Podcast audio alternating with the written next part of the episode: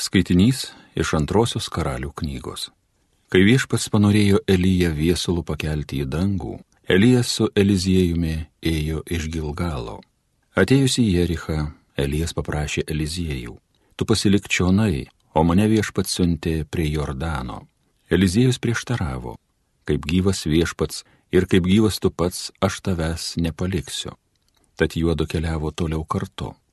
Penkisdešimt pranašų mokinių sekė jėdvim iš paskos, o vėliau pasiliko bestovį atstu iš šalies. Anuodu sustojo prie Jordano. Elijas nusisiautė savo apsaustą ir juos suvinioto sudavė į vandenį. Tasai persiskyrė į šalis ir juodų sausumą perėjo upę. Perėjus į kitą pusę Elijas tarė Eliziejui. Sakyk, ko norėtum, kad tau padaryčiau prieš mane nuo tavęs paimsint. Eliziejus pasakė, Norėčiau, kad būtų man dviguba dalis duota tavosios dvasios. Elijas atsiliepė, paprašiai nelengvo dalyko. Jei tu matysi, kaip nuo tavęs aš būsiu paimtas, tai bus tau šitai suteikta, o jeigu ne, nebus tau šito. Juodvim beinant ir besišnekučiuojant, štai pasirodė ugninis vežimas, ugniniai žirgais pakinkytas ir perskyrė juos. Elijas viesulo kilo į dangų, Tai matydamas Elizijus sušuko, mano tėve, mano tėve, Izraelio vežime ir jo vežėjau. Kai jo nebematė, jis tvėrė už savo drabužių ir perplėšė juos per pusę. Paskui pakėlė Elijo apsaustą, kuris buvo nukritęs. Pasukęs atgal, Elizijus pasiekė Jordano krantą. Paėmęs nuo Elijo nukritusi apsaustą, juos sudavė į vandenį šaukdamas. Kurgi viešpats Elijo dievas? Sudavus į vandenį, tasai persiskyrė į šalis ir Eliziejus perėjo upę. Tai Dievo žodis.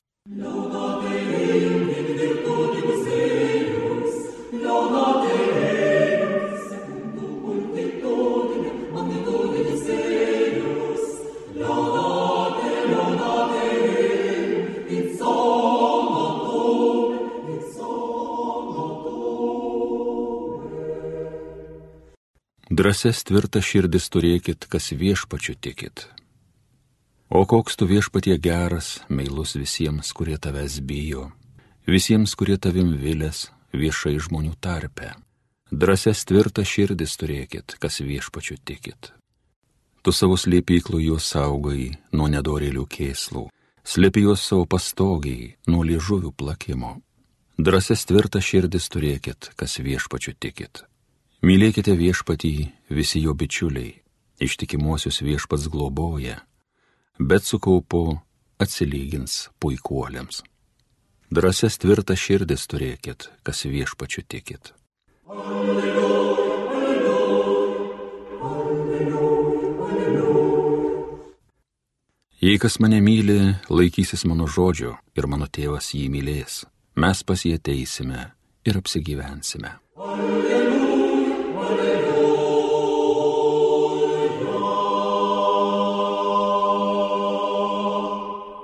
Pasiklausykite Šventojios Evangelijos pagal matą. Jėzus bylojo savo mokiniams. Venkite daryti savo geruosius darbus žmonių akise, kad būtumėte jų matomi, kitaip negausite užmokesčio į savo tėvo danguje.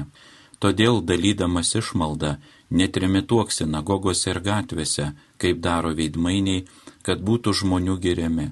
Iš tiesų sakau jums, jie jau atsijėmė užmokesti kai tu dalyji išmaldą, te nežino tavo kairė, ką daro dešinė, kad tavo išmalda liktų slaptoje, o tavo tėvas regintis slaptoje tau atlygins.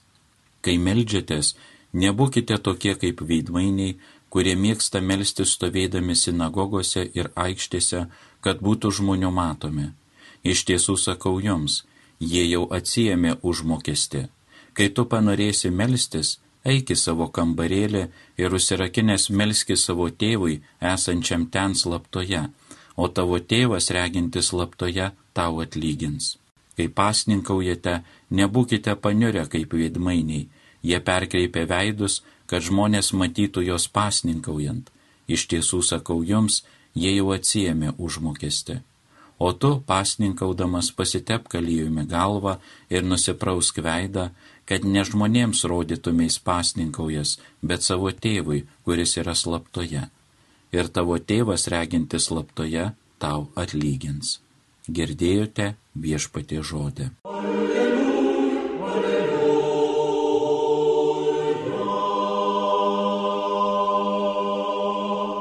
Mėly Marijos radijo klausytojai. Šis Mato Evangelijos šeštas skyrius kelia klausimą, kokią vietą krikščioniškame gyvenime užima atlygio mintis arba idėja. Šioje ištraukoje Jėzus tris kartus sako, kad Dievas atlygins tiems, kurie jam tarnaus taip, kaip jis nori. Kas teisingai duoda išmaldą, kas teisingai meldžiasi ir kas teisingai pasninkoja, tas bus apdovanotas. Dažnai teigiama, kad atlygio minčiai visiškai nėra vietos krikščioniškame gyvenime. Manoma, kad turime būti geri vien tam, kad būtume geri, o darybė bus vienintelis atlygis, kad atpildo mintis apskritai turi būti išimta iš krikščioniškojo gyvenimo. Ir tai ne vienintelis atvejis, kai Jėzaus mokėme atsiranda atlygio mintis. Jis sako, kad labai dosniai bus atlyginta tiems, kurie lieka ištikimi persekiojimuose, kurie kenčia įžeidimus be piktumo. Jėzus taip pat sako, kad jei kas nors vienam iš šių mažutėlių paduos atsigerti bent puodelį šalto vandens dėl mokinio vardo, tas nepraras atlygio. Bent jau dalis palyginimo apie talentus yra tai, kad ištikimam tarnui bus atlyginta. Paskutiniojo teismo palyginime labai aiškus mokymas, kad žmogus gali būti apdovanotas arba nubaustas taip, kaip jis atsiliepia į savo artimųjų poreikius. Jėzus nedvėjodamas kalbėjo apie atlygį ir bausmę. Ir turime būti ypač atsargus, kad atlygio klausimu nebandytume tapti dvasingesni už Jėzų. Reikėtų atkreipdėmėsi į kai kuriuos akivaizdžius faktus. Pirmas dalykas - gyvenimas aiškiai parodo, kad visi veiksmai, kurie nepasiekia jokio rezultato, yra nenaudingi ir beprasmiai. Dorybė ir širdies gerumas, kuris nepasiekia norimo rezultato, yra beprasmis geras darbas. Kaip teisingai sakoma, kas netinka pagal paskirtį, yra nenaudinga.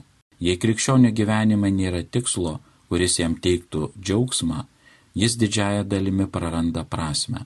Žmogus, tikintis krikščioniškų gyvenimo būdu ir krikščioniškų pažado, negali tikėti, kad darybė neduos vaisių busimajame gyvenime.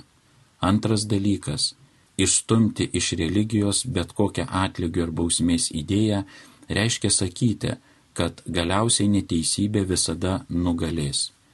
Būtų tiesiog neprotinga manyti, kad geras, doras žmogus ir blogas žmogus pasiekia tą patį tikslą Tai reikštų, kad Dievas yra visiškai abejingas, ar žmogus geras ar blogas. Paprastai tariant, tai paprasčiausiai reikštų, kad nėra prasmės būti geram ir dorybingam, o žmogui nebūtina vadovautis tokiu gyvenimo būdu, o ne kitokiu. Išbraukti iš religijos bet kokią atlygio ir bausmės idėją reiškia sakyti, kad Dieve nėra nei teisingumo, nei meilės bausmės ir apdovanojimai būtini, kad gyvenimas būtų prasmingas. Kokia yra krikščioniška atlygio mintis? Apsvarstę atlygio krikščioniškame gyvenime idėją, turime įsiaiškinti kai kuriuos dalykus. Kalbėdamas apie atlygį, Jėzus aiškiai neturėjo menyje materialaus atlygio. Tiesa, Senajame testamente dorybės ir klėstėjimo idėjos yra glaudžiai susijusios. Pavyzdžiui, jei žmogus klėstėjo, jei jo laukai buvo dėlingi ir jis gavo gerą derlių, jei jis turėjo daug vaikų ir didelį turtą, tai buvo laikoma įrodymu, kad jis buvo geras žmogus. Bet Jėzus niekada to nepasakytų. Ne, Jėzus nežadėjo savo mokiniams materialinės gerovės, bet pažadėjo jiems sunkius išbandymus ir nelaimės, kančias, persiekėjimus ir net mirtį. Akivaizdu, kad Jėzus čia negalvojo apie materialius dalykus. Taip pat būtina atkreipti dėmesį tai, kad aukščiausio atlygio niekada neįgyja tas, kuris jo siekia. Šis požiūris yra klaidingas visų pirma todėl, kad į gyvenimą žiūrima įstatymo kategorijomis, o ne meilės kategorijomis.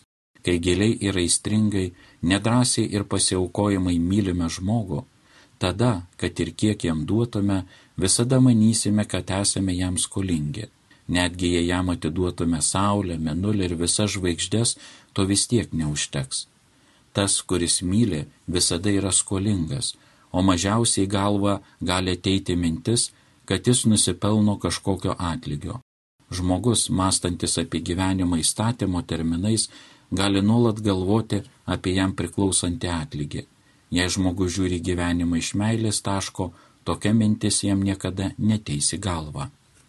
Ir koks yra krikščioniško atlygio turinys? Pirmiausia, atkreipsime dėmesį vieną esminę ir gerai žinomą tiesą. Jau matėme, kad Jėzus Kristus visiškai negalvojo apie atpildą materialiai. Atpildas krikščioniškame gyvenime yra tik į dvasinius tikslus ir į dvasinės aukštumas orientuotiems žmonėms. Žmonėms, besikoncentruojantiems į materialinės vertybės, tai visai nebus atpildas ir atlygis. Krikščioniškas atpildas yra tik autentiškiams krikščionėms. Dvasinis pasitenkinimas yra pirmasis krikščionių atlygis darydamas dorus darbus, paklusdamas Jėzui Kristui, eidamas jo keliu, krikščionis dvasiškai jaučiasi gerai, nesvarbu, ar jis už tai ką nors gauna ar ne. Gali būti, kad žmogus, darydamas dorus darbus ir paklusdamas Jėzui Kristui, neteks savo visuomeninės padėties, atsidurs kalėjime ar net ant ešafoto, atsidurs visiškoje nežinomybėje, apšmeištas vienatvėje, tačiau jis nepraras vidinio pasitenkinimo, kurio niekas iš jo negali timti. Šis pasitenkinimas negali būti įvertintas valiuta ir visame pasaulyje nėra nieko jam prilyginto. Tai gyvenimo vainikas ir viršūnė. Antrasis atlygis krikščioniui yra tai, kad jis turi dirbti daugiau. Krikščioniškojo atlygio paradoksas slypi tame, kad gerai atliktas vienas darbas nesuteikia teisės į polisį, ramybę ir komfortą, o kelia dar didesnius reikalavimus ir reikalauja dar daugiau energingų pastangų. Ir galiausiai trečiasis ir paskutinis krikščionių atlygis yra tai, ką žmonės visais amžiais vadino Dievo regėjimu.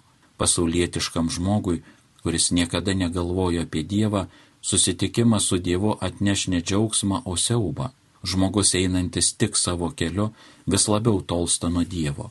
Praraja tarp jo ir Dievo didėja ir didėja, kol galiausiai Dievas jam tampa niuriu svetim šaliu, kurio jis norėtų vengti susitikti.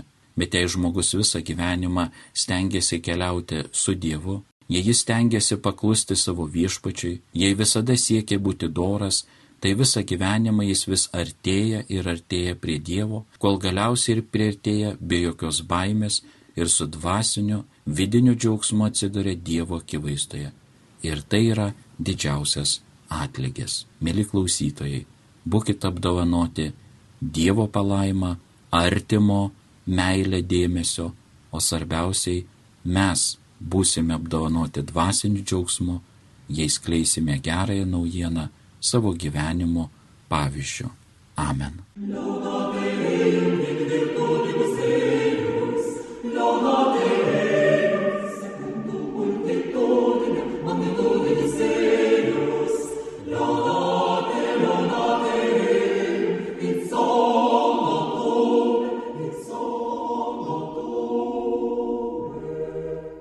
Homilija sakė kunigas Juozas Fakėjevas.